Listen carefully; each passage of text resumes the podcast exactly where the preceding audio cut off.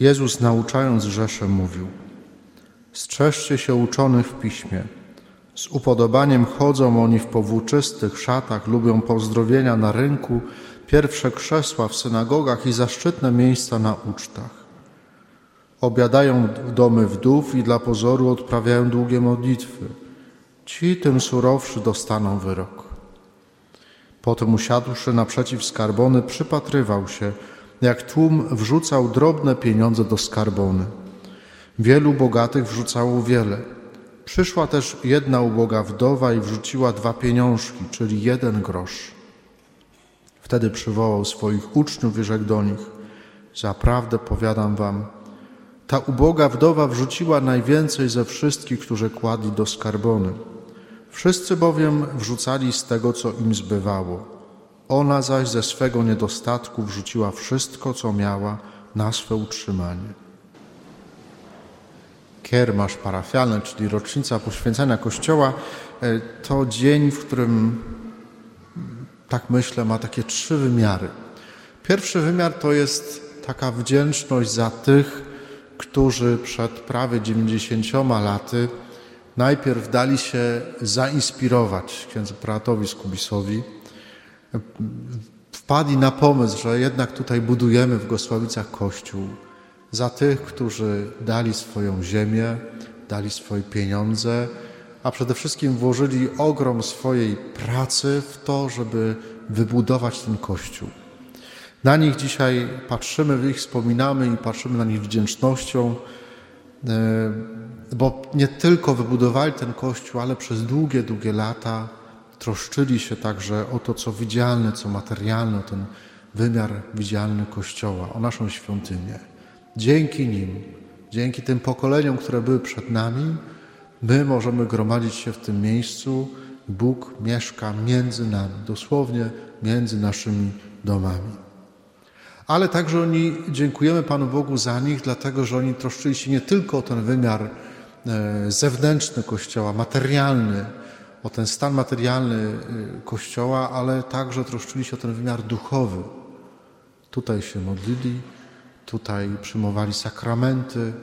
To miejsce towarzyszyło najważniejszym momentom w ich życiu chrztom, pogrzebom, ślubom, bierzmowaniom, komuniom świętym.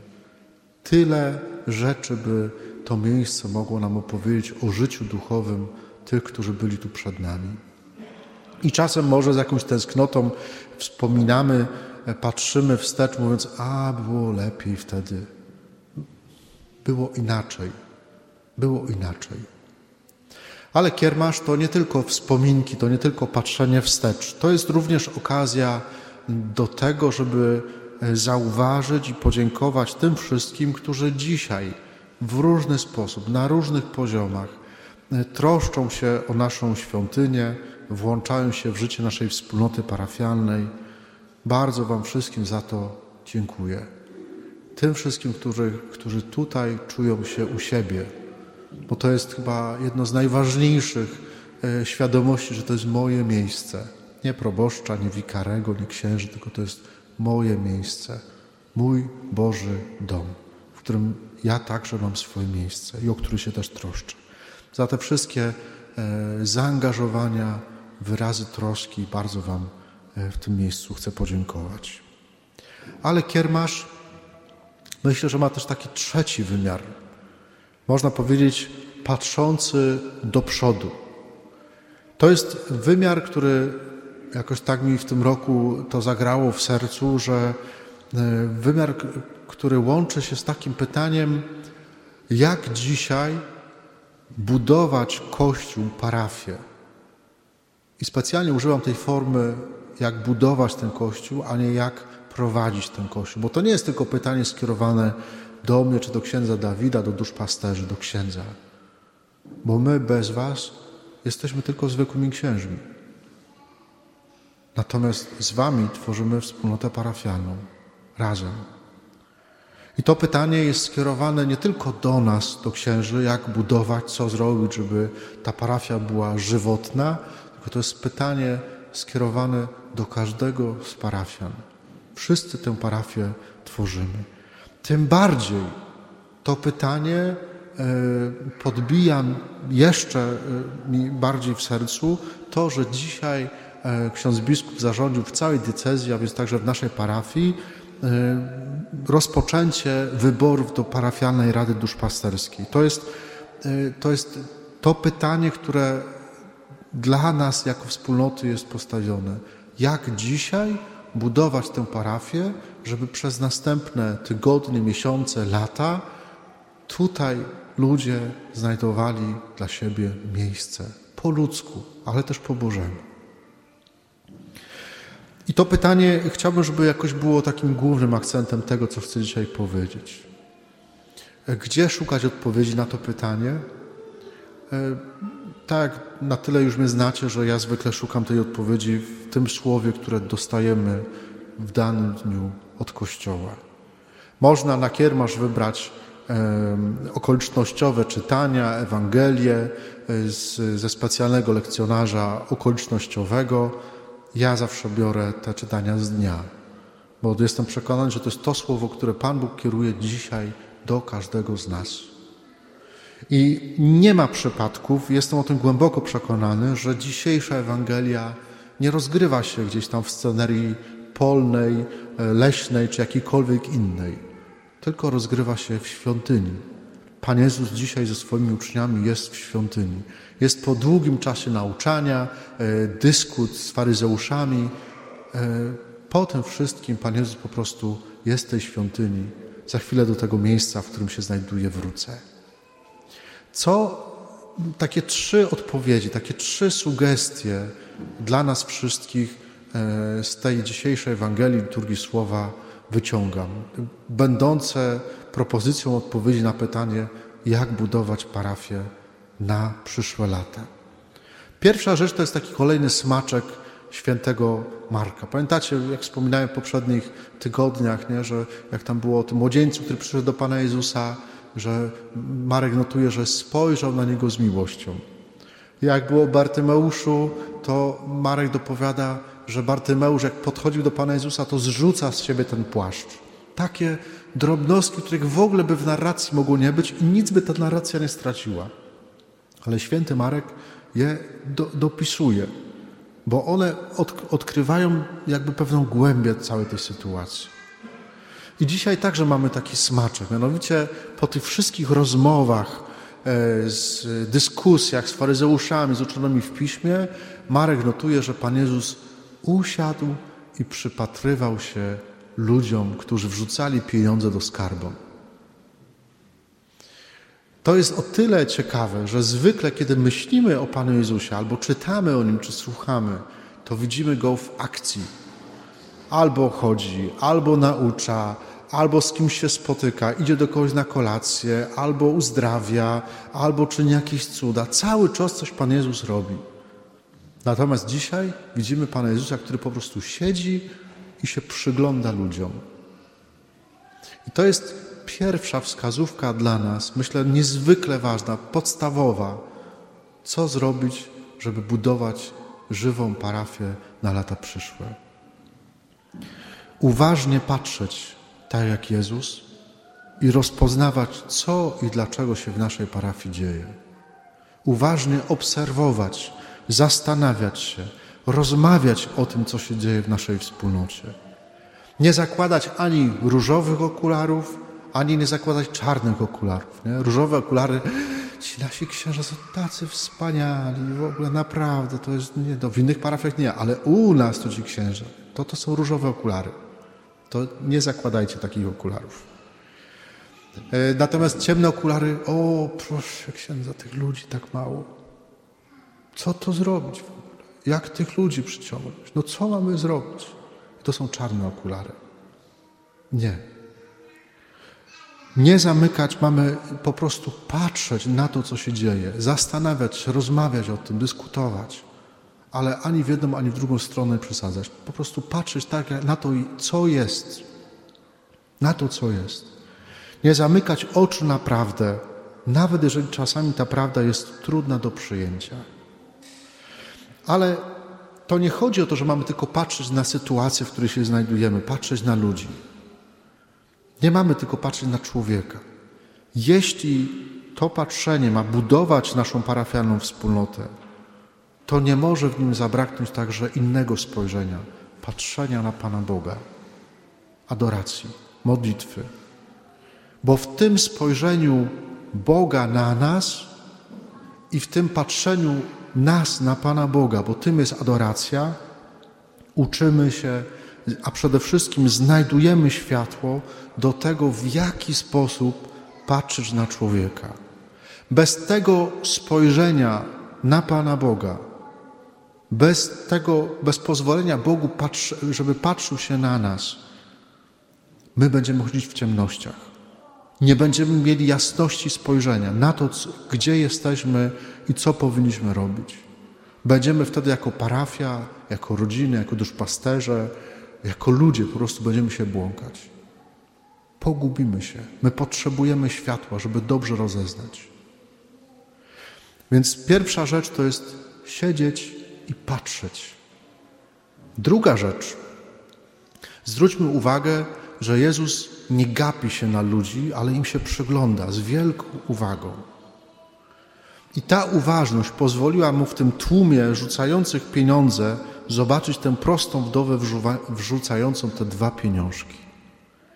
Żeby zobaczyć, jak, jak, jakiej uwagi, jaką uwagę Pan Jezus ma, przyglądając się tym ludziom, to trzeba sobie wyobrazić tę scenę. To jest, ja to nie pamiętam, czy to był jakiś przedsionek, czy jakiś portyk w tej świątyni jerozolimskiej, w której było 12, 12 potężnych skarbon. Te skarbony, żeby sobie wyobrazić, wiemy jak wygląda tuba, czyli taki największa trąba, którą się gra, taka basowa. Nie? Ona ma ten, ten, ten lej, tej, ta tuba właśnie jest tak do góry zakończona. I tak wyglądały te skarbony, że można sobie wyobrazić, że takie potężne leje, duże leje, e, wykonane z metalu, na, do których się po prostu wrzucało e, te pieniądze. Nie było ani ofiaromatów wtedy, ani nie było banknotów, tylko były monety. Więc możemy sobie wyobrazić, jak przychodzą te tłumy ludzi i każdy wrzuca tam garść monet. To tam był taki harmider, taki hałas. I, to, I teraz w tym całym zamieszaniu Pan Jezus widzi tę kobietę, która przychodzi i wrzuca te dwa pieniążki i woła swoich uczniów, chodź, chodź, chodź, chodź, zobaczcie, patrzcie, widzicie tę wdowę? Ona wrzuciła wszystko, co miała. To, co miała na swoje utrzymanie. Dała najwięcej ze wszystkich.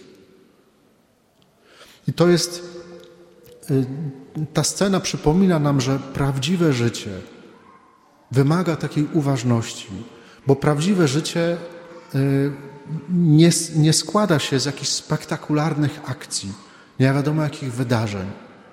Życie rodzinne, życie społeczne, życie parafialne y, składa się, doskonale o tym wiecie, z drobnych, małych gestów troski i miłości o drugiego człowieka. To one budują rodzinę. Takie grosiki dobroci, grosiki e, uważności, grosiki troski wrzucane w serce drugiego człowieka. To buduje wspólnotę rodziny, to buduje dokładnie w taki sam sposób wspólnotę parafialną. Więc za te, za te grosze Waszej dobroci, Waszej uważności, troski bardzo Wam dziękuję. I trzecia wskazówka, dają ją nam te dwie wdowy z dzisiejszej liturgii. Ta z Sarepty Sydońskiej z pierwszego czytania i ta ze świątyni jerozolimskiej. Co je łączy? Że obie te kobiety zaufały Panu Bogu i ofiarowały siebie. Te dwie rzeczy, zaufanie i ofiarowanie siebie, idą zawsze w parze. Człowiek jest w stanie ofiarować siebie drugiemu człowiekowi tylko wtedy, jeżeli mu ufa. Nie złoży daru z siebie, nie ofiaruje z siebie komuś, komu nie ufam. Ta wdowa z Sarety Sydońskiej jest w niesamowitej też scenie. Zbiera chrust na swój ostatni posiłek w życiu. Zbieram chrust, zrobię podpłomek dla mojego syna, zjemy i pomrzemy.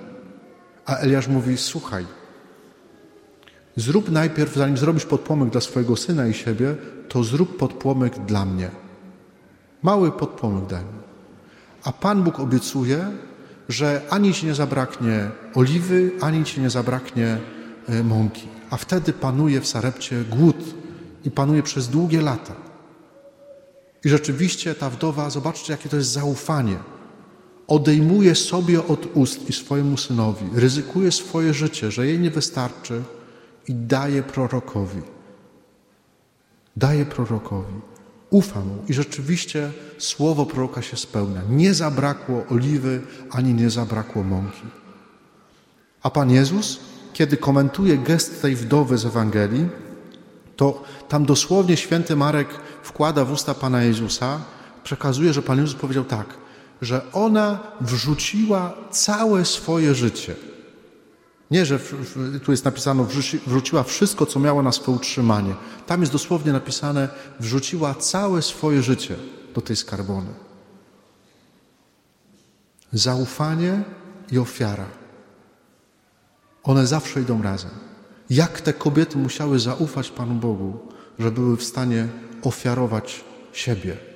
Nie tylko jakąś cząstkę siebie, coś, tylko y, siebie.